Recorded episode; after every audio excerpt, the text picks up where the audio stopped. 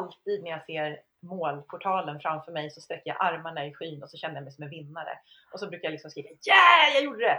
Och då kan ju folk tycka så här: okej, okay, men du, alltså du sprang typ eh, personsämsta på halvmaran och du sätter armarna i skyn. Gud vad fånigt. Ja, men då får det stå för dem. Men jag tycker så här, ja men den känslan man får när man känner att men nu har jag gjort det här, nu är jag på väg i mål. Man vet hur härligt det är att få komma i mål och man har alla de här endorfinerna som vi var inne på nyss, man vet att man kommer få äta någonting gott efteråt. Man kanske till och med kan få trycka en godispåse precis efter målgång. Alltså det är ju, jag menar, det är som, man surfar ju på ett lyckomoln i flera dagar efteråt tycker jag. Hej och välkommen till Mentala Mästare. Podden om mental träning och om att prestera när det gäller. Mitt namn är Eva-Marie Vergård och jag jobbar som idrottspsykologisk rådgivare. Jag startar denna podden för att öka kunskapen om vad du kan göra när det gäller den mentala biten när du vill prestera. Genom att intervjua flera olika idrottsprofiler om hur de tänker och jobbar hoppas jag att just du hittar dina guldkorn som du har användning för.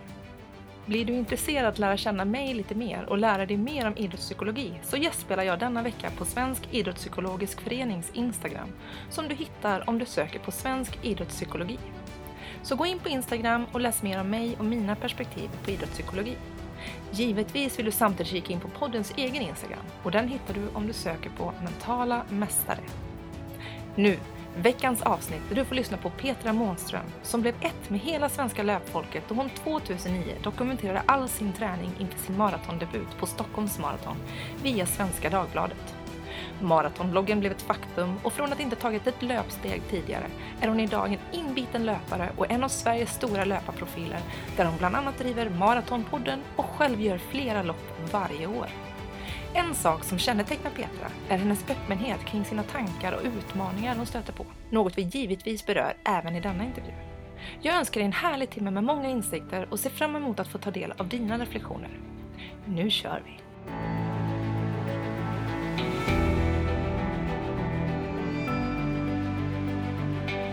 Välkommen till Mentala Mästare, Petra Månström. Tack så mycket. Hur är läget denna måndag morgon?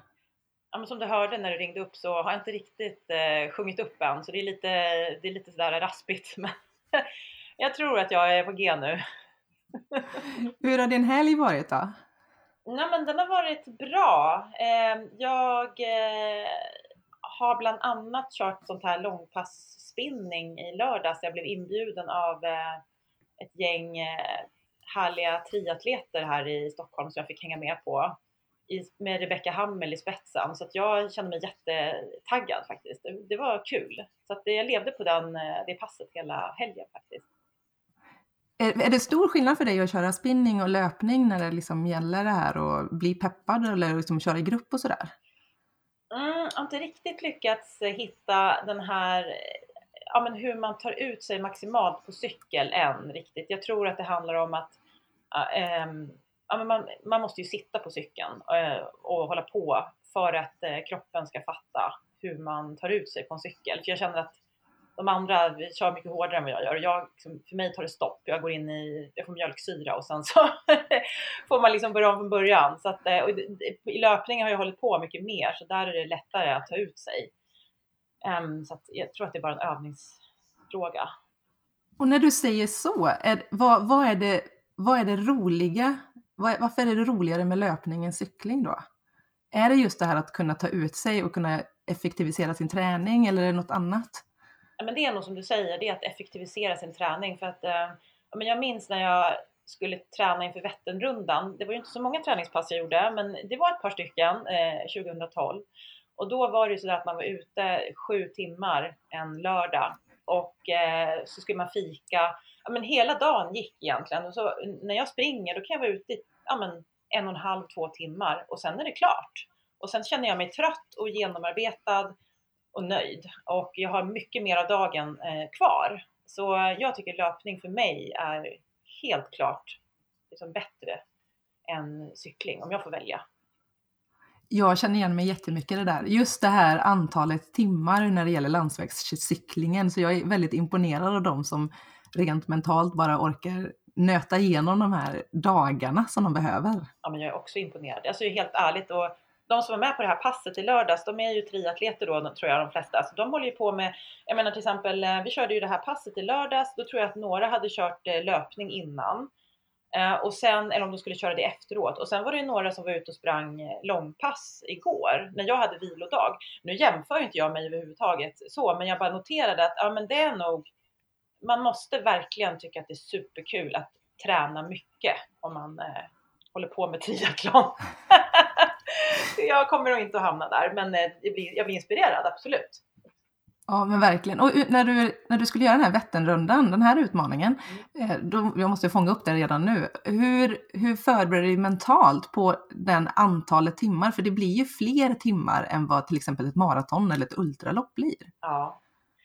Ja men absolut. Jag höll faktiskt på nästan lika länge på Vätternrundan som jag sprang Ultravasan. Eh, så det var väl en 11, eh, 11 timmar ungefär man var ute. Um, men på något konstigt sätt så tycker jag just de här utmaningarna som jag vet kommer att hålla på länge, de kommer inte att kräva att jag ska eh, maxa på det sättet att jag ska få mjölksyra direkt, du vet som när man springer 5 kilometer eller milen, utan det här är liksom en utdragen plåga. Och då är det mer att jag säger till mig själv så här, men nu ska jag vara ute på friluftsdag. Nu ska jag ha, eh, vara ute på friluftsdag och det kommer att ta hela dagen och eh, jag maler på i mitt tempo och så småningom kommer jag komma fram. Ja, men det är som att, eh, jag menar jag fjällvandrade mycket i mitt förra liv om man säger och jag tycker att det påminner lite grann om det. Man, man liksom gnetar på och sen så kommer man fram. Så. Um, alltså, mm. jätteälsk på det svaret. Alltså, ja jag, och jag, jag, tycker det är så här, när jag föreläser så brukar jag, jag brukar ofta referera, jag brukar prata om det här liksom, för eftersom jag har kört ö till ö till exempel och varit ute 13 och en halv timme i Stockholms skärgård. Ja. Eh, och så brukar jag skoja till det och säga så här, ja men de flesta tycker att åh gud vad hon är vältränad. Men några av er, typ 90 procent kommer tänka, hon är fullkomligt dum i huvudet. Mm. Alltså vem gör de här långloppen? Men det jag tycker är intressant när vi pratar om tävlings eller idrottspsykologi och hela den här biten, det är ju att alltså oavsett om vi pratar om tävling, alltså bara en vanlig maratondag eller vad som helst, så börjar ju tävlingsdagen på morgonen när man ska bara börja med frukost och sen ska man ta sig till startfållan och så ska man vänta vid startfållan och så ska man springa sitt lopp och sen ska man ta sig hem. Så nästan alla tävlingsdagar, oavsett om man håller på med agility, löpning eller vad det är, det är väldigt många timmar. Mm. Och just det här som du pratar om att ja, men nu ska jag göra den här dagen. Det, alltså det, är, det är en snygg mental inställning när det gäller liksom långa dagar. Mm. Ja, men jag tycker det för att eh, jag tycker helt ärligt att det är värre att veta att eh, jag ska springa 5 kilometer eh, på tävling och jag vet att efter 30 meter kommer jag ha mjölksyra upp över öronen och bara vilja att det ska ta slut. Den plågan är värre än att köra eh, Vätternrundan. Helt ärligt faktiskt. Mm. Så knäpper jag.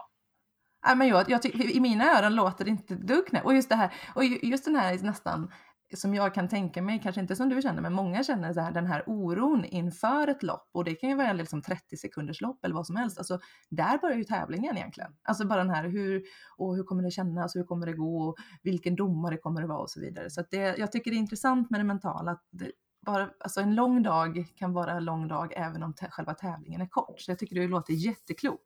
Ja, men jag, jag kom på en grej nu, jag eh, kollade på vad heter de? Eh, på kanal 5 så går det här, heter det Superstars heter det va? Ja. ja och då pratade ju Sanna Kallur om det här med, ja, men varför hon tyckte om att springa 100 eh, meter häck. Eh, och det var just det här att, ja men du har ungefär 12 sekunder på dig. Du får inte göra ett enda misstag. Tävlingen börjar precis, eller loppet då, börjar precis eh, efter startskottet har gått och du kan inte rätta till några misstag efterhand. Och det är ju det som jag tycker stressar mig eh, om jag ska springa ett kort lopp, att jag vet att jag kan inte göra allt för många misstag. Jag kan inte ha en kilometer där jag liksom tar igen mig lite, för då, då kommer det att, om jag nu ändå vill känna mig nöjd med loppet efteråt, då vill jag kunna hålla en jämn och hyfsat hög fart hela vägen. Men däremot som Vätternrundan, ja men där satt vi i Jo och letade sopsäckar som vi skulle ha på oss eh, för att kunna, vi hade glömt regnkläder, vi var inga rutinerade cyklister så vi letade ju sopsäckar i en och en halv timme. Eh, och sen satte vi oss på cyklarna och fortsatte. Och när vi kom i mål så var vi svinnöjda för att vi hade tagit oss i mål. Eh, men jag hade inte varit nöjd om jag hade varit tvungen att ta på mig en sopsäck under ett fem kilometers lopp. Så att det är nog, jag vet inte. Ja, men det, det, är något, det är faktiskt något spännande mental utmaning där med de här korta rackarna. Ja men verkligen, verkligen. Ja, det, det här kommer bli ett riktigt spännande samtal. vad har du för första minnen när det gäller att prestera? Och då tänker jag att du verkligen vill gå långt bakåt. Ja, men det måste, mitt första minne är nog när jag eh, började simma på eh, ja, men Fyrisbadet som det då hette i Uppsala. Alltså var, mina föräldrar eh, fick någon sån här inbjudan eh, i brevlådan att man kunde sätta sitt barn i, i simskola. Och då var det som inte att lära sig simma utan då skulle man kunna simma utan det här var ju, jag var kanske, ja, kan ha varit eh, sju, sju år någonting, sex, sju år. Eh, då kunde jag redan simma. Ehm, eh, men det här var ju då att man skulle lära sig de simsätten och allting. Och jag märkte ganska snart eh, att jag hade talang för det här och även tränarna ehm, fångade fångade upp det här och eh, föreslog ganska omgående så här att du måste ställa upp i, i tävling och så DM och sånt där. Ehm, så då kom det in en, en sån dimension att det var väldigt viktigt för mig att eh, under ett sånt här pass så fick vi ett antal saker vi skulle göra. när man simmar till exempel 100 meter frisim och sen så säger tränaren, ja, men, och nu ska du simma 200 meter rygg, vet, som man höll på. Och då var det viktigt för mig att jag ville vara klar först av alla i hela gruppen, inklusive killarna. Så det kommer jag ihåg väldigt tydligt att det var viktigt för mig att äh, där, där vill jag prestera. Häftigt! Och vad, hur reagerade du när du inte lyckades i det läget? Ja, men jag lyckades alltid. Jag misslyckades, du lyckades alltid? Ja, jag misslyckades aldrig eh, faktiskt hur kände du liksom på tävling? Alltså, hade du någon nervositet eller kom du iväg på någon tävling här? Ja, det är här som är så intressant för att jag eh, kom faktiskt iväg på en tävling. Jag minns inte, jag tror att det var DM kan ha varit eller om det bara var någon slags ja, men så lokalt. Eh, jag, jag minns inte riktigt, men det var i alla fall på Centralbadet i Uppsala. Eh, och då skulle jag tävla i 25 meter ryggsim. Tror jag att det var. Det var ju 50 ja, strunt samma. Eh, men jag visste att ryggsim, det var min starkaste gren. Eh, och eh, jag minns bara att jag eh, kommer inte ihåg liksom, egentligen någonting för själva loppet. Jag minns bara att jag körde allt jag hade från start och vann med några sekunder tror jag till och med att jag gjorde. Eh, men sen det som kom som intressant efter loppet, det var att jag kände att jag kommer inte kunna toppa det här. Så jag vågade inte tävla något mer. Oj, hur reagerade tränarna då? Nej men de var väl, nu har jag bara vaga minnen så, men de var ju besvikna förstås för de, alltså, de tyckte ju att jag hade en klar talang. Och de ville ju att jag skulle fortsätta gå vidare i någon sån här plantskola som, man, som så småningom skulle kunna men, tävla på högre och högre nivåer. Men eh, jag kände att jag inte grejade det mentalt, alltså tanken på att jag skulle kunna förlora någon gång. Eh, den var extremt plågsam så jag kände hellre att jag, jag kliver hellre av när jag är på topp än att jag ska riskera att eh, bli slagen. Liksom. Ja, och jag, jag, det här tror jag många känner igen sig i, så att jag mm. tycker det är jättebra. Finns det någonting som du tänker spontant hade kunnat fått dig att, ja, men, om vi ska uttrycka det så här, våga förlora? Alltså, vad hade kunnat göras? Vad hade de kunnat göra, tror du, för att kunna hjälpa dig liksom, att komma över den tröskeln? Ja, men en intressant fråga för jag tror att, jag vet inte om tränarna hade kunnat göra så mycket. Ehm, jag tror att det, ja men det handlar ju nog mycket om mig och det kanske inte hade bara med, med simningen att göra utan det kan ju ha, ha varit någonting med ja men, hur det var hemma och min uppväxt att göra.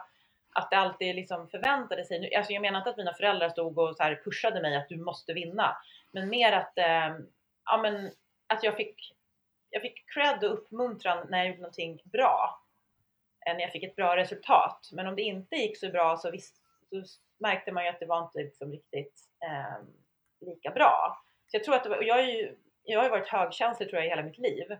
Du vet en sån här eh, HSP som man kan googla och så får man läsa Just allt det. Ja, jag tror att det gjorde att jag liksom tänkte att nej men det är nog, eh, det låg väldigt mycket hos mig själv. Jag vet inte om tränarna hade kunnat göra så mycket för att eh, få bort det här ur mig. Jag, jag är osäker faktiskt. Ja, för, för min följdfråga där egentligen det är ju det här varifrån, för det är ju någon form av inre driv du, du har ändå i dig, för du har ju liksom verkligen både det här med simningen som du berättar och senare liksom med träning och löpning och journalistiken och allting.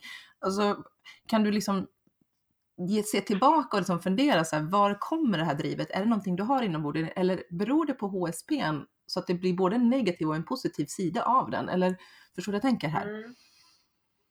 Jo, men jag tycker ju om att eh, uppleva hmm, ja, men ytterligheter i eh, eh, faktiskt både positiv och negativ. Jag tycker att de, eh, i och med att jag fångar upp allting, men jag tycker att eh, när jag verkligen känner att jag lever, det, det kan vara både en jobbig sak som händer och en bra sak som händer så tycker jag om det. För då blir det då ruskas man om lite eftersom jag hela tiden eh, ja, men utsätts för de här små sakerna. Så att, ja, men jag, jag tycker om det. Så det, det. Jag tycker om att testa gränser. Och det är konstigt att jag då inte ville testa gränser i simningen. Men eh, eh jag tror att det har att göra med att eh, ja, men där är det så tydligt att man förlorar. För där har du ju dina eh, motståndare sitter ju i samma, är, är ju i samma bassäng som du till exempel. Men när jag jobbar med sociala medier och då kan jag ju välja faktiskt att om jag tycker att jag blir stressad av ett visst konto eller någonting, då kan jag avfölja det. Eh, och då behöver inte jag ta in det i min sfär. Men simningen är svårare. Jag kan ju inte avfölja mina medtävlare i bassängen. Om du förstår vad jag menar. Så jag tror att det, det är mer osynliga motståndare i det jag gör idag.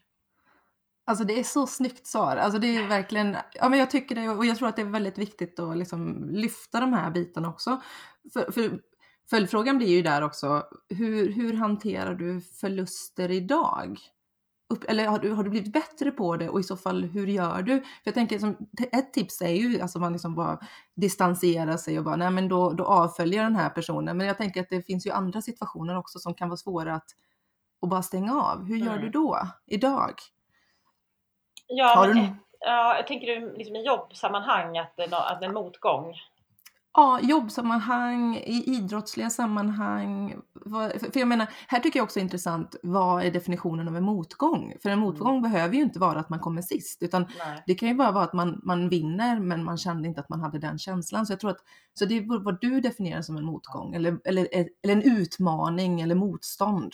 Mm. Ja, men en, en grej som ligger nära till hands, det är ju Prag Marathon förra året, 2018. Um, ehm, och då, för grejen var att då hade jag ju ändå jag kände att ehm, under våren där så fick jag ett, en lust att ehm, växla upp träningen lite grann. Inte att jag hade något tydligt tidsmål utan mer att jag kände att ja, men nu, vill jag, nu vill jag träna lite hårdare och jag vill gärna ha hjälp med att träna hårt. Och då vände jag mig till Charlotte Karlsson som är en god vän och en jätteduktig löpare. Hon, hon coachar andra också där. Så jag frågade henne så här, men skulle du ha lust att träna med mig ett pass i veckan och, och peppa mig så här, och, och kanske ge lite tips inför loppet och så. Men hon var ju på direkt och hon är jätteduktig.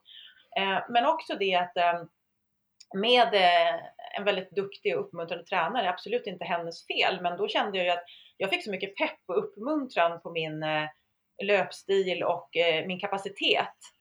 Så att jag hade själv mitt eget fel. Jag hade extremt höga förväntningar på mig själv när jag står där på startlinjen. Um, och direkt efter startskottet gick så märkte jag att men det här kommer inte att gå bra. Alltså man känner ju det. Alla som har tävlat, eh, sprungit lopp, eh, vet alltså vad jag menar. Eh, när inte alls kroppen svarar som man vill. Ehm, och det är en extremt jobbig grej mentalt. Eh, och jag minns att jag bara plågade mig själv i ja, 25-26 kilometer. Det gick så segt och jag ville verkligen bryta.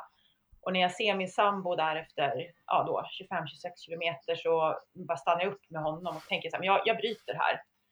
Eh, men då, då peppar han mig och bara, men alltså, du kommer bli så besviken på dig själv om du inte tar dig i mål. Du, försök att bita ihop, och, men gå om du vill, men, men gör detta bara. Eh, och jag tyckte det var extremt jobbigt. Dels så var det att jag hade gjort mig själv besviken, för jag ville ju testa vad jag gick för nu då, när jag liksom hade tränat så bra under våren. Eh, Men istället så satte jag igång mitt Instagram story så jag började prata med mina följare och säga att men snälla ni, ni måste hjälpa mig för nu har jag peppat er i alla dessa år. Så nu måste ni peppa mig och ta mig i mål här för nu har jag 13 kilometer kvar eller vad det var då som jag behövde. Och jäklar vad det välde in eh, eh, pepp alltså. Det var helt sanslöst. Um, och det, det, var så svårt det där för att samtidigt som jag kände att gud vad det här var jag besviken på mig själv för att jag inte klarade av att springa som jag ville. Men samtidigt kände jag att det här var egentligen det bästa som kunde hända för att um, här fick jag verkligen utmana mig själv. Här var jag tvungen att verkligen gräva djupt. Det var ju tuffare att ta sig i mål på det här loppet än att uh, ja, springa en femkilometare. Så det, det, var en väldigt svår grej, men det var, det var jättesvårt att hantera för en prestationsprinsessa som, som mig att, uh, att det blev så här. Uh, väldigt, väldigt speciell upplevelse måste jag säga. Jag kommer ihåg det här, för jag följer dig på sociala medier och jag tyckte det var så häftigt. Alltså, för där snackar vi verkligen att tänka utanför boxen. Alltså, eh, man känner prestationsångesten, det här kommer inte gå, man känner förväntningarna och så bara okej, okay, hur ska jag lösa det här? Och att du då faktiskt tar in yttre faktorer, alltså yttre människor som kan hjälpa dig i mål. Det, tycker, det tycker jag är liksom en smart. Alltså det, det är häftigt att kunna ändå vara så pass närvarande i vad behöver jag just mm. nu? Mm. Ja, det var ju rent egoistiskt sådär. Att jag ville verkligen ha pepp och jag ville ha bekräftelse. Mm. Så det kan jag erkänna. Så att jag, ja. men okej, jag har den här plattformen nu. Eh, och så tänker jag att det, det var många som hörde av sig efteråt och sa att ja, men gud vad skönt att en, en, en profil som du som, eh, som håller på med löpning, att du faktiskt kan alltså, råka ut för sånt här. För det är jättemånga som kände igen sig och som ja, kanske kliver av då för att de känner att men jag kan inte persa idag så då struntar jag i det här.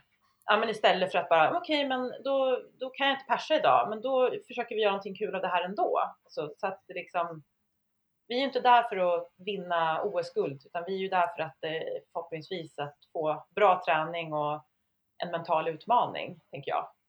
Och där tycker jag du sa något jätte, jätteviktigt. Att man ändå får en träning. Och givetvis, det här skiljer sig självklart från toppresterande personer och, och motionärer av olika nivåer, men att man ändå kan se en tävling som en träningsmöjlighet. Att okej, okay, jag kommer inte att vinna det här loppet eller jag kommer inte sätta de poängen jag vill, men jag kanske kan sätta nästa kilometer så som jag vill eller så kan jag sätta nästa moment eller vad det nu är för idrottsgren. Så att, mm.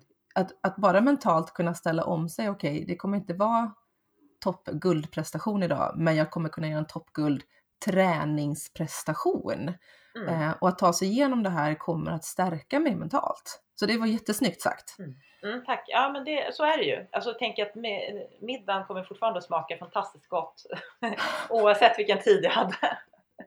Jag tycker, och jag tycker att eh, Simon Sköld sa det så himla snyggt när jag intervjuade honom och det är att även när man kommer hem så kommer de som älskar dig kommer fortfarande älska dig oavsett. Och det tycker ja. jag också är tröst liksom. Ja, och jag tror faktiskt, om man ska vara lite krass, jag tror att även de som följer en kommer att älska en mer om man kanske inte alltid eh, som slår personbästa och, och presterar liksom jätte, att man springer snabbt. Så jag tror man framstår som mer mänsklig om man vågar visa att det inte alltid är supertopp. Liksom. Så. Helt klart.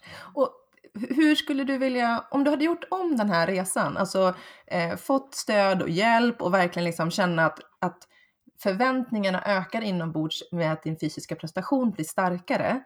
Men hur skulle du vilja göra om den mentala uppladdningen för att bibehålla fötterna på jorden och inte håsa upp förväntningarna inifrån? Förstår du vad jag menar? Alltså, vad tänker men, du där? Ja, men alltså när jag går tillbaka och kollar då de eh, tävlingar jag har deltagit i där jag har sprungit snabbt då, om man ska säga, eller åkt fort Ehm, så har det alltid varit sådär lite grann på en höft. Eh, jag har inte laddat speciellt mycket. Jag tycker inte att jag har tycker själv inte att jag har tränat optimalt, om man nu kan, vad, vad nu optimalt är.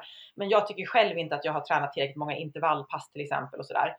Um, ehm, så jag kommer lite grann in där med en sådär, uh, eh, vad ska man säga, kravlös känsla.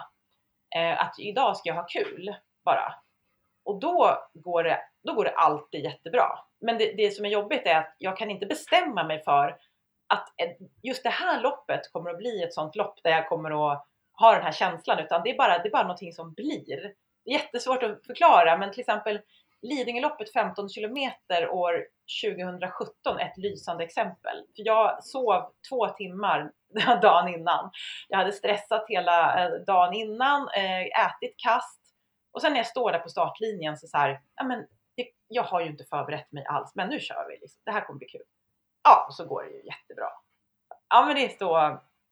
Så att man får väl helt enkelt lära sig att så man fungerar. Man kan inte ha kontroll på allt. Nej, och jag, och jag skulle nog vilja säga att man skulle kunna sätta signal på det här, höll jag på att säga, men en, en, att att man kan bestämma sig för att ha den inställningen om det är någonting som gynnar en. Det, för mig handlar det ju liksom om mental träning istället då, alltså träna hjärnan på att okej, okay, nu börjar du hamna i det här facket. Eh, och så gäller det ju bara att hitta sätt och framförallt då bygga upp den här eh, mentala styrkan om vi säger så, men alltså den här mentala kapaciteten att, att kunna så här, oj nu är kraven för höga, varför gör jag detta? För att det är kul och hitta den där känslan. Jag, jag tror ju på det, eh, för jag ser det. Så det, det. Men jag tycker det är intressant för att det jag tycker är häftigast är att har man känt känslan så man vet vilken känsla man pratar om, då tror jag också att det är lättare att hitta dit. Mm. Ja men det har du nog rätt i. Jag tror, jag tror också så här att jag har väl tänkt ibland att ja, men rackarns också att eh, man inte på något vis kan få fram den där känslan mer på beställning sådär. Eh, men det är klart att det är träning som krävs och jag har väl också liksom tänkt att ja, men, jag behöver inte, jag behöver verkligen inte lyckas enligt mig i alla sammanhang. För mig är det nästan mer utmanande att jag faktiskt misslyckas på ett sätt för att då kan jag få då testar jag mig själv och då kan jag förmedla det till de som följer mig också. Så att okej, okay, jag hade jättehöga förväntningar på mig idag, och nu gick det så här. Men jag, men jag tänker också så här, om man är elitidrottare och faktiskt behöver lyckas i, i alla sammanhang, då är det ju jätteviktigt att ta fram ja, men vad är det som gör att jag hamnar i det här eh, tillståndet som är så bra för mig? Så jag tror det, då kanske man kan ta hjälp av en idrottspsykolog och så här. Det tror jag är jättebra, men jag tror också att så här, vi motionärer, mig, jag själv i alla fall, eh, jag skulle bli jättestressad om jag hela tiden skulle behöva ah, nu ska vi se det här. Ja. Men jag, jag hör, du, som du beskrev, liksom, om man verkligen vill så går det ju. Men eh, man måste ju ha rätt eh, drivkrafter också. Där. Ja. Varför vill jag hamna i det här tillståndet egentligen? Tycker du att du oftare hamnar i det tillståndet idag om vi jämför med i början, och nu pratar vi löp, löpningskarriären, mm. för det är mm. ändå ganska många år du har hållit på nu. Tycker du att mm. du hamnar lättare i det, det tillståndet nu eller är det svårare eller hur ser det ut? Um, ja, men jo, men det, det finns ju en tydlig linje egentligen i min eh, löpning. Så här, I början så, så var jag ändå väldigt prestationsriktad och då tyckte jag att det var svårt att eh, bara skjuta från höften. Det gjorde jag aldrig. Då, tror jag inte ens att, då ställde jag inte upp i den tävlingen om jag inte kände att det, jag kan göra bra, bra ifrån mig enligt mig då. Um, men eh, idag så eh, Ja, men, nej, men jag tror det är mycket lättare idag faktiskt. För jag tänker att eh, jag liksom har lägre krav på mig själv och jag har gått igenom saker som eh, i sig gör att jag, ja, men jag kommer inte kunna springa på de tiderna som jag gjorde för tio år sedan i alla fall. Och det, det är inte liksom ens ett mål för mig längre. Så absolut är det lättare idag. Coolt. För då är det ju ändå, då har det ju hänt någonting där du har liksom bemästrat det på något mm. sätt. Så det är bara så här, jag ofta tycker ofta det är coolt om man kan ta ett steg tillbaka och säga bara oj vilken resa jag har gjort. Jag har mm. gått därifrån till hit. Vad mm. gjorde jag? Hur skulle jag kunna utnyttja det här på något sätt mm. för nästa situation? Ja. Ja, och så gillar jag det här som du säger, liksom att, att flytta gränser, liksom, utmana dig själv. Alltså det är jättemycket bra. Och, och då kommer vi egentligen in på det här som, som allting började där vid 2009 när du fick den här utmaningen att dokumentera din löpträning för att kunna fullfölja Stockholm mm. Marathon, eller hur? Mm, eh, hade du ett år på dig eller var det ett halvår eller hur lång tid hade du på dig? Jag hade ett halvår. Det var i december 2009 som jag fick eh, börja, började blogga då och eh, loppet var ju i början på juni eh, 2010.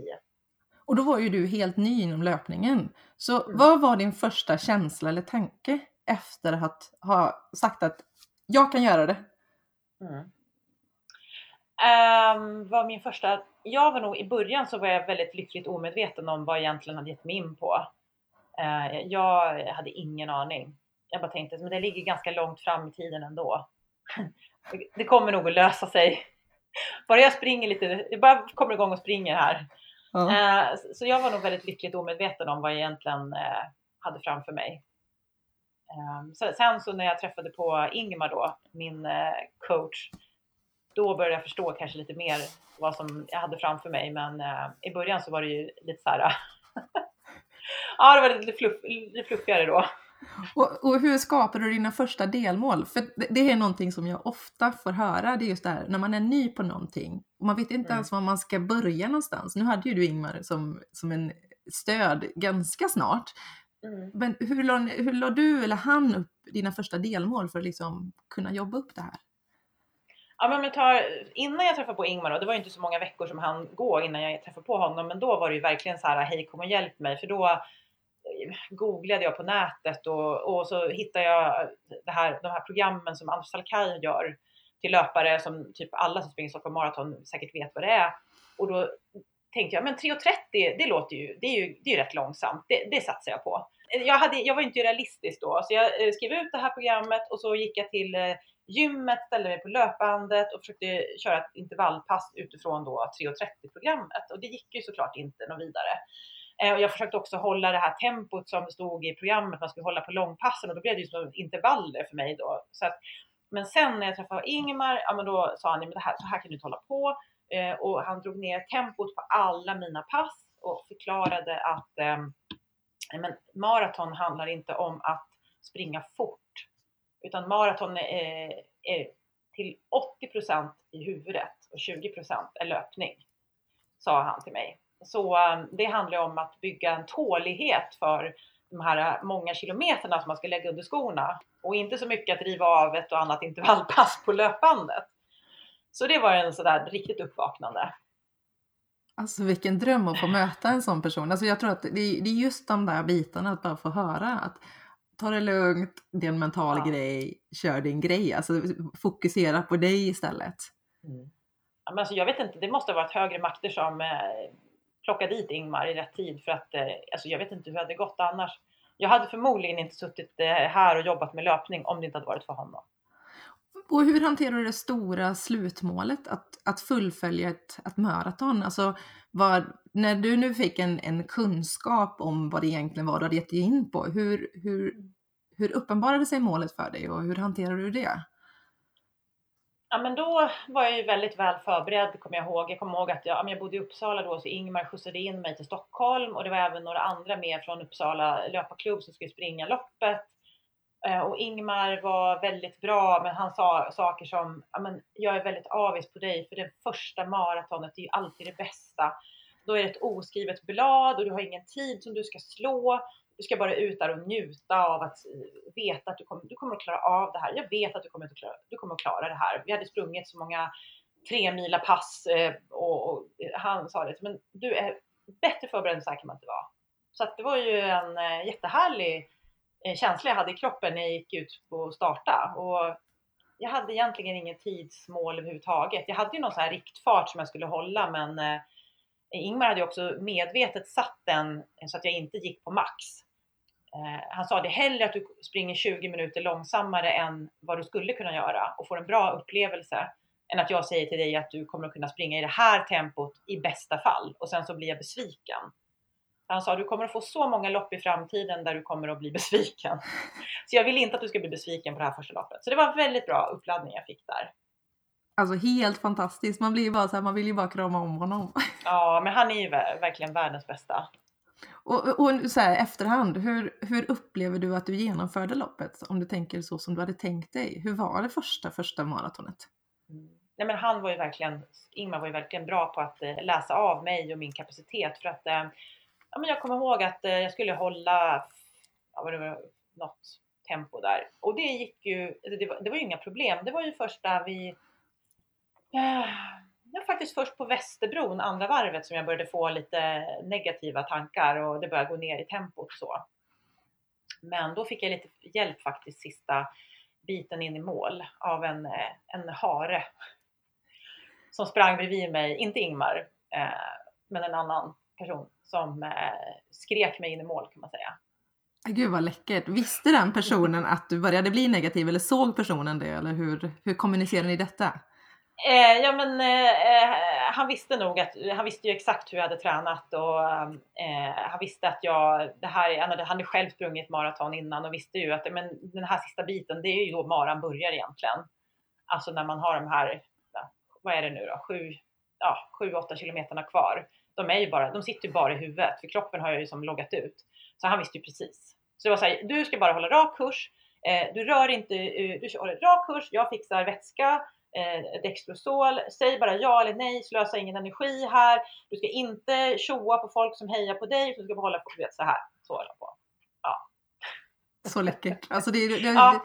det är det jag gillar med löplopp egentligen. Just den här, dels folk runt omkring och sen också känslan mellan löpare som jag upplever generellt ganska trygg och glädjefylld. Alltså generellt i alla fall.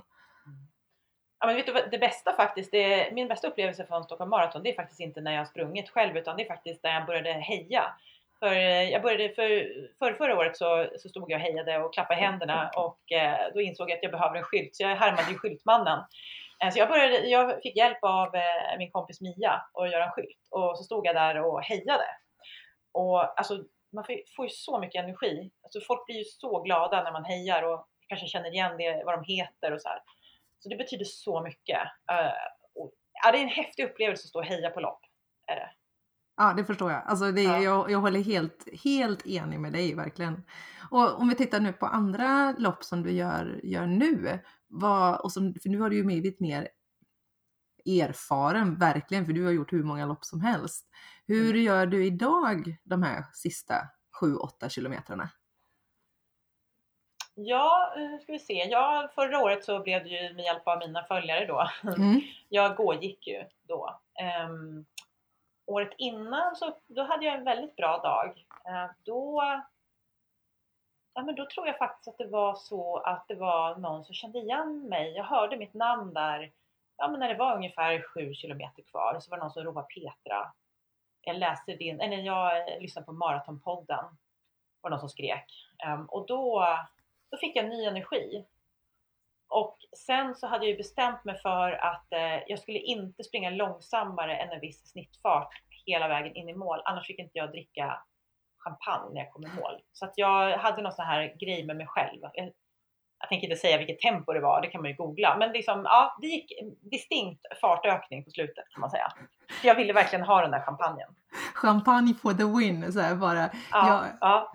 Jag, tycker jag tycker det är så roligt. Jag, jag är ju själv sån här, jag tycker ju om mat. Så att när jag är ute och tränar så sitter jag och springer jag alltid och tänker på vad jag ska få äta när jag kommer hem. Och springer jag med min sambo så stå- springer jag så bara åh, när vi kommer hem så kan vi göra det här. Och han bara, du vet han typ har ju bara blodsmak i munnen och vill spy och typ slå på mig. Men gud, jag är likadan, jag är precis likadan. Jag är också så här, jag tänker vad jag ska äta och, och gud vad kommer det smaka bra efter det här? Kanske någonting salt, kanske någonting sött. Ja, men jag är likadan. Ja, men whatever works liksom, whatever Ja, ja, works. exakt, exakt, precis så. Och vad är ditt, ditt varför till att du faktiskt tävlar och inte bara tränar? Vad är, liksom, vad är den extra kryddan om man säger så, som tävling ger dig? Ja, jag skulle vilja säga att jag kanske inte, alltså jag tror så här, att även om folk säger att ja, men jag, jag tävlar inte, jag springer bara för att det är kul. Alltså, så säger, säger jag och så säger jättemånga andra också som inspirerar andra i, i, det här, i träning. Men jag tror ändå att det finns en, en jämförelse eh, grej och en tävlingsnerv eh, i alla som man faktiskt har, vare sig man vill det eller inte. Eh, och som svar på din fråga då, eh, som jag nu nästan har glömt bort. Eh, Varför så- varför? Mitt varför? Ehm, ja, men det är nog för att jag vill ändå stämma av lite grann vad jag, ja, men hur, hur, hur långt kan jag komma på den här träningen som jag gör idag? Och det är lite grann att jag utvärderar hela tiden mitt eget tänk på något sätt. Eh, Hur jag tycker att eh, jag kan trä, trä, träna idag när jag inte har lika mycket tid på mig. Jag måste vara lite mer effektiv. Och så tänker jag så här, och jag vill fortfarande må bra. Jag vill inte känna mig stressad. Jag vill inte bli skadad. Så att jag tror mitt varför är hela tiden att finslipa min egen metod på något sätt. Klockrent. Klockrent. Mm. Och hur mår du efter en tävling? Alltså liksom, vad har du för känsla efter att du har gått i mål och dricker din champagne? Vet du vad det roliga är? Det, och det tycker jag, det är jättemånga som stör sig på det. Och det är ju det här att alltid när jag ser målportalen framför mig så sträcker jag armarna i skyn och så känner jag mig som en vinnare. Och så brukar jag liksom skrika yeah, jag gjorde det! Och då kan ju folk tycka så här: okej, men du, alltså du sprang typ eh, personsämsta på halvmaran och du sätter armarna i skyn. Gud vad fånigt. Ja, men då får det stå för dem. Men jag tycker så här, ja men den känslan man får när man känner att men nu har jag gjort det här, nu är jag på väg i mål. Man vet hur härligt det är att få komma i mål och man har alla de här endorfinerna. Som vi var inne på nyss, man vet att man kommer få äta någonting gott efteråt. Man kanske till och med kan få trycka en godispåse precis efter målgång.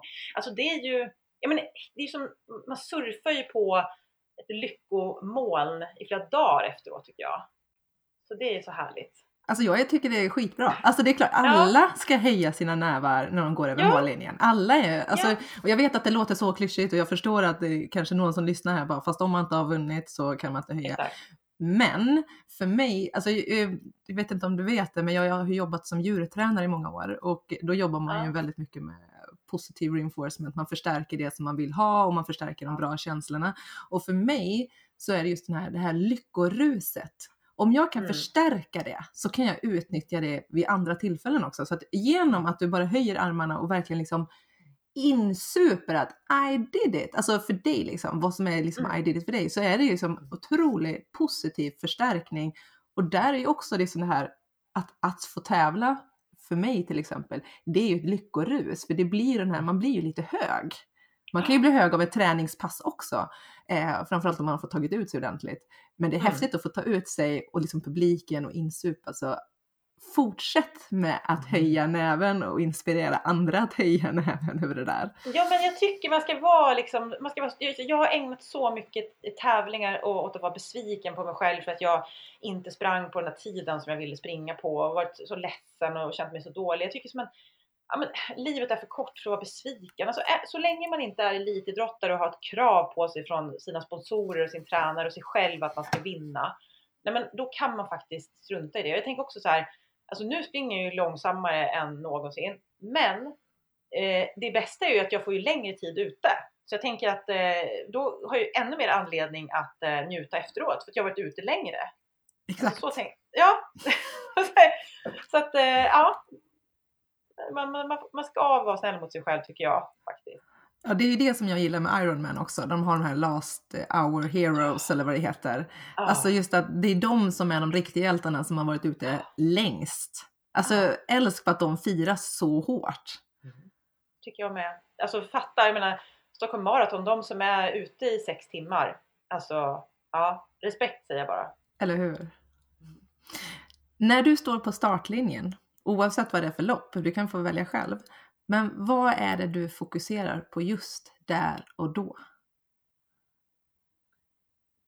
Eh, oj, det kan vara väldigt olika. Eh, jag tänker någonting i nära tid, när jag sprang mitt senaste lopp. Um, det var ju ja, det var ju det här loppet i Tyskland måste det vara. Nej, Tjejmilen var det ju ja, ursäkta jag pratar för mig själv. Ja. Men frågan är vad jag tänker. Ja, men jag, har, jag tänker någonstans att jag ska ha kul. Mm. Eh, men just det här, i och med att jag är högkänslig så tycker jag att det är väldigt jobbigt. Till exempel när man står i Tjejmilen startfålla. Det är fullt med folk. Och startskottet går och man kan inte springa varken i det tempo man vill eller man kan inte man liksom kan inte njuta riktigt av upplevelsen för att det är så mycket folk. Um, så att eh, ja, men tanken innan brukar nog oftast vara att det, ja, nu ska jag ha kul. Så kul som jag bara kan ha. Och jag ska få njuta av min låtlista som jag har i mina hörlurar som jag bara får lyssna på när jag springer tävling. Vilket bra tips! Mm. Väldigt bra tips. När är det du kommer in i loppet tycker du? Nu kör ju du lite längre, alltså det är inte bara 5 km även om du gör det också. När upplever du att du kommer in i själva loppkänslan? Ja, 5 kilometer tycker jag aldrig man kommer in i loppkänslan. Då är man ju helt off liksom hela tiden.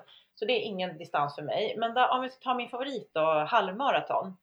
Eh, så tycker jag att någonstans, eh, ja men jag brukar ha en ganska skön resa mellan 4 upp till ungefär 15 kilometer. De, där någonstans tycker jag att det är, där är jag inne i loppet och där tycker jag att det är skönt. Sen är det lite lite pannben på slutet då. Om man har, nu har gått ut i den här, det här tempot då, om, om man säger, har för avsikt att eh, på något vis maxa. Så brukar det vara så. Men eh, om jag bara njuter och har bestämt mig för att jag ska njuta runt, ja men då, då kommer jag nog in i loppet ganska omgående tror jag. Så eh, surfar jag vidare. Och då kommer vi in på, vad är mental styrka för dig? Vad är pannben för dig? Eh, för, mig, eh, men för mig så är mental styrka det är ju att eh, försöka stänga ute kroppens eller huvudets försök att få mig att eh, slå ner på tempot. Eh, för att man vet ju man vet ju med huvudet att det egentligen inte är kroppen som är trött utan det är ju hjärnan som säger åt dig att du ska spara på energin här för det kan ju bli så, det kan ju komma ett världskrig liksom, eller du kan bli utan mat. Så det är ju dels att man står emot det. Eh, står emot egentligen kroppens alla eh, vibbar till dig att du ska slå av på tempot och stanna. Och sen också att eh, stänga ute, ta in bara det av omgivningen som lyfter dig. Så inte fokusera på då om grannen eller din Facebook-kompis passerar dig vilket jag ju har en tendens att göra ibland då när man har en kanske sämre dag, men att man tänker att man tar bara in det positiva. Det är lite grann som att man avföljer resten av eh, loppet. Så följer man det som är bra. Folk som ropar ditt namn, folk som eh, hejar på dig. När man hör spiken säga ditt namn, så här, det ska man ta in. Och kanske när, när kroppen känns bra, du vet, någon, någon kilometer som gick bra, ja men då tar man med sig det. Alltså så här, hela tiden samla på bra upplevelser. Det tycker jag är mental styrka för mig high five på det. ja. Och det, och det roliga är att för min nästa fråga handlar om sociala medier nämligen. För jag, alltså, och, det, och det blir väldigt, man inser det här då, alltså när mental träning, om vi pratar lopp, eller som i det här fallet då, för jag upplever ju dig väldigt tuff och jag imponeras många gånger av att hur du hanterar det klimatet som är på mm. sociala medier. Och, och, och, det är ju egentligen det du har svarat på nu också, men jag vill ändå ställa frågan, just alltså, hur hanterar du det negativa som händer på sociala medier? För det är ju egentligen det som du sa nu, att just det här att jag stänger av det, jag stänger ut det, fokuserar mm. på det positiva. För, mm. för det är ju, ja, så det är någonting som jag tror många är intresserade av. Hur, hur gör du rent konkret? Men först ska jag säga att jag, alltså jag är verkligen ingen maskin. Alltså jag har, dels har jag den här högkänsligheten med mig och sen är jag, men jag är en sån som suger åt mig av mycket. Så självklart så, så jag, jag tar ju åt mig. Och, men, men som ehm, eh, jag pratade med min sambo häromdagen och då hade det trillat in någon kommentar sådär liksom att eh, ja, men negativ och att ja, men det som jag står för och det som jag fokuserar på i löpning att det, det gör man sig lite lustig över då på sina håll och kanter. Eh, och det kan till och med vara eh, elitlöpare som eh, går in och skriver negativa kommentarer på, på mina sociala medier. Eh, och då så sa jag det till min sambo att men, eh, det var ju själva FN att de här personerna, kan de inte bara, men om de stör sig på mig då, kan de inte säga det sinsemellan i omklädningsrummet eller när de sitter i bastun? Varför måste man skriva det på någons annans eh, sociala medier. Och då så säger min sambo då, som han har sagt så många gånger förut, att nej men det förstår du väl varför de gör det? De känner sig ju hotade av dig. Du har ju lyckats. Du har ju eh, så många mer följare än vad de har. Du har en plattform. Du har folk som eh, tycker om dig för det du gör. Och, och de är avundsjuka. Och just det tankesättet att så här, ja men ja, det kan nog vara så. De som är negativa och som har ett behov av att spy galla, de är det är lite synd om dem. För de, om, det, om de har valt att ta av sitt liv och lägga energi på att hata mig eller ogilla mig, men då är det faktiskt väldigt synd om dem. Så det tankesättet hjälper mig väldigt mycket. Att jag, jag intalar mig själv att jag ska ägna så lite tid som möjligt att, åt att vara negativ mot andra. Och så tänker jag så här, gud vad synd det är om dem. Att de inte kan lägga den tiden på att träna istället. Då kanske faktiskt någon svensk elitlöpare skulle kunna ta Kjell-Erik Ståhls maratonrekord någon gång. Alltså världens megakram. och, så, och just det här som jag, man skulle vilja då ge till dem, alltså, det, alltså till dem som just gör det här negativa, alltså att man i det läget stannar upp och funderar så här, varför retar jag mig så himla mycket på Petra just nu? Varför gör jag det ja. egentligen? Och två, varför har jag ett behov av att skriva den här kommentaren? Och kanske då inse att oj, jag är rädd. Eller jag känner en avundsjuka. Eller det finns någonting, det är någonting som hotar mig här. Då kanske jag ska börja jobba med mig själv snarare än att ge mig på någon annan. Alltså det, det, finns ju två sidor av det här. Dels hur du hanterar det, men också liksom att du som lyssnar eh, mm. verkligen funderar på det här när du irriterar dig på en annan människa. Varför gör jag det? Exakt. Ja men exakt, och som jag eh, vi brukar prata om här hemma, min sambo är världens bästa bollplank. Jag så, så här, som jag sa, jag skulle aldrig i mitt liv komma på tanken att skriva negativt på någon annan sociala medier eller liksom hänga ut någon i ett offentligt sammanhang. Men däremot när jag sitter här med min sambo och det bara är vi två, ja men då kan jag säga så här, gud vilken dryg typ han är, eller hon är, den där. Ja, så har jag sagt det. Bra, poff, så har jag fått du med det. Ingen kommer bli ledsen för det är ingen annan som får höra det. Det är bara min sambo och jag som konstaterar att ja, så är det. Och sen är det glömt. Jag tycker det är så skönt och jag tycker det borde fler göra. Ja, men stör man sig på någon, ja men ta det med din eh, bästa kompis eller med din sambo eller vad det nu är. Men liksom, gå inte ut och hata på sociala medier. Jag tycker det är så fruktansvärt tråkigt. Exakt, exakt. För ibland behöver man få utlopp för det och det är så mycket ja. bättre att prata med någon annan. Och sen så ja. är det borta och sen, eller så ta en löprunda och sen, eller vad det nu kan exakt. vara. Ja men kanalisera denna frustration då, det har ju hjälpt mig många gånger. Ja men gå ut, du kommer ju säkert att ha energi över och ilska så att du kommer få till världens bästa kvalitetspass. Ja men ut och kör då för bövelen. Sitt inte och hata på Instagram. och sen måste jag ge dig cred för du gjorde ett litet ironiskt inlägg för två veckor sedan ja. eller någonting som, ja. som verkligen var så här, så jag hajade till. Jag bara, men, men vad händer nu? Och sen bara, aha! alltså använda humor på det sättet. Kan du inte berätta lite bakgrunden till det inlägget? Du vet jo. vilket jag menar? Ja, jag vet det här när jag sa att jag måste ha eh, min sminkväska innan jag kan gå iväg på mitt pass. Just det. Ja, nej men det var faktiskt, eh, det var lite grann, eh, jag stod i valet och kvalet där. Det var jag ska inte nämna några namn för då får de alldeles för mycket exponering. Men eh, det var ju några eh, löpare som hade skrivit eh, elakt så jag liksom kände att det var väldigt eh, orättvist. Eh, och då bollade jag lite grann med min sambo så här att, men gud vad jobbiga, vad ska vi göra? Så här? Eller vad ska jag göra då? Ehm, men, och han är alltid den här, han tar alltid till humor. Alltså, ironi och humor är det absolut bästa som finns. Så jag tänkte, ah, men det här, jag ska göra något nytt. Istället för att bara gråta ut och få så här, åh stackars dig från mina följare. Så ska jag, ja, men jag ska verkligen så här, eh, ge dem vad de vill ha. så jag eh, överdrev allt jag kunde. Eh, och, och, skrev liksom att eh, ja, men jag måste lägga en bra makeup här och håret, jag kan inte springa så, så långt eh, för då blir bilden inget bra och allt det här. Eh, och så posera lite grann där med, med läppglanset och, och allting. Och det var ju jättemånga som först trodde att jag hade typ, jag vet inte, eh, ätit svamp eller någonting. Men tänk om man måste kunna driva med sig själv och det, alltså det är det jag också så här skulle gärna vilja se mer av i, i den svenska löparcommunityn, Att folk vågar driva mer med sig själva.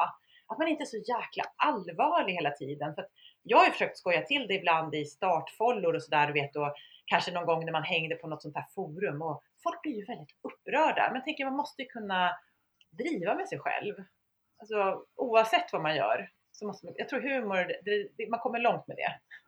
Definitivt, och jag tror humor kan också hjälpa en när det blir utmaning och det är tufft och man kanske känner en prestationsångest i startfållan. Ja. Så jag tror verkligen att fler skulle behöva skoja till det lite i startfållan och faktiskt höja sina prestationer. Ja, faktiskt. Alltså, eh, jag, jag har mött så många riktigt duktiga, talangfulla löpare i Sverige som tävlar på hög nivå Eh, och så man, man känner så här, men de kommer liksom aldrig de har det här kravet på sig att de måste springa på en viss tid, de måste ta ett visst rekord. För att de, det är som att de sätter resten av sitt liv på paus för att de ska kunna ha tid över till att eh, träna. Men jag tänker att istället så skulle de kunna ta in mer av livet utanför. Då kanske de faktiskt skulle kunna ta det där rekordet en gång. Jag menar kolla på Mo Farah som är småbarnspappa, alltså världslöpare är ju oftast väldigt, och han är ju väldigt humoristisk i sina sociala medier. Han har ju alltid glimten i ögat. Eller Mustafa Mohamed. Alltså det finns ju så många exempel på löpare som har glimten i ögat och som kan kombinera detta med att prestera på hög nivå. Så fler borde ju ta humorn som eh, redskap, helt klart. Håller med dig. Så det, vi, vi kan ta i hand på det där, verkligen. Mm, det gör vi. Och du, du är ju i väldigt mycket löparkretsar och får träffa väldigt bra löpare vad, vad, har du fått det bästa mentala tipset du har fått av någon? Skulle du säga liksom, det där tipset var verkligen klockrent om vi tänker mentalt? Mm. Ja, men då, då är det faktiskt sociala medier igen i och med att jag verkar ju där och då intervjuade jag ju Göran Kente, alltså med en idrottspsykolog som har hjälpt bland annat svenska skidskyttelandslaget. Eh, och då sa han en sak som, eh, som har fastnat i mig och det är det här med att eh, på sociala medier så jämför vi vår insida med andras utsidor. Just det, jättebra. Och det är så här, jag är ju sån där som då klassiskt suger åt mig. Åh oh, gud, den sprang ju på den tiden. Den gjorde. Ah, Okej, okay, vänta nu, vänta nu. Jag jämför min insida med folks utsida. Alltså det, det är så bra att ta till det där tankesättet hela tiden när man känner att man börjar jämföra sig för mycket. Man börjar ta in för mycket och jämföra sitt liv med andras. Det är absolut bästa. Du kan applicera det på sociala medier. Du kan applicera det på alla möjliga andra sammanhang i livet också. Så det är jättebra. Jag har en favoritbild som är isberget, så ni som lyssnar kan googla det.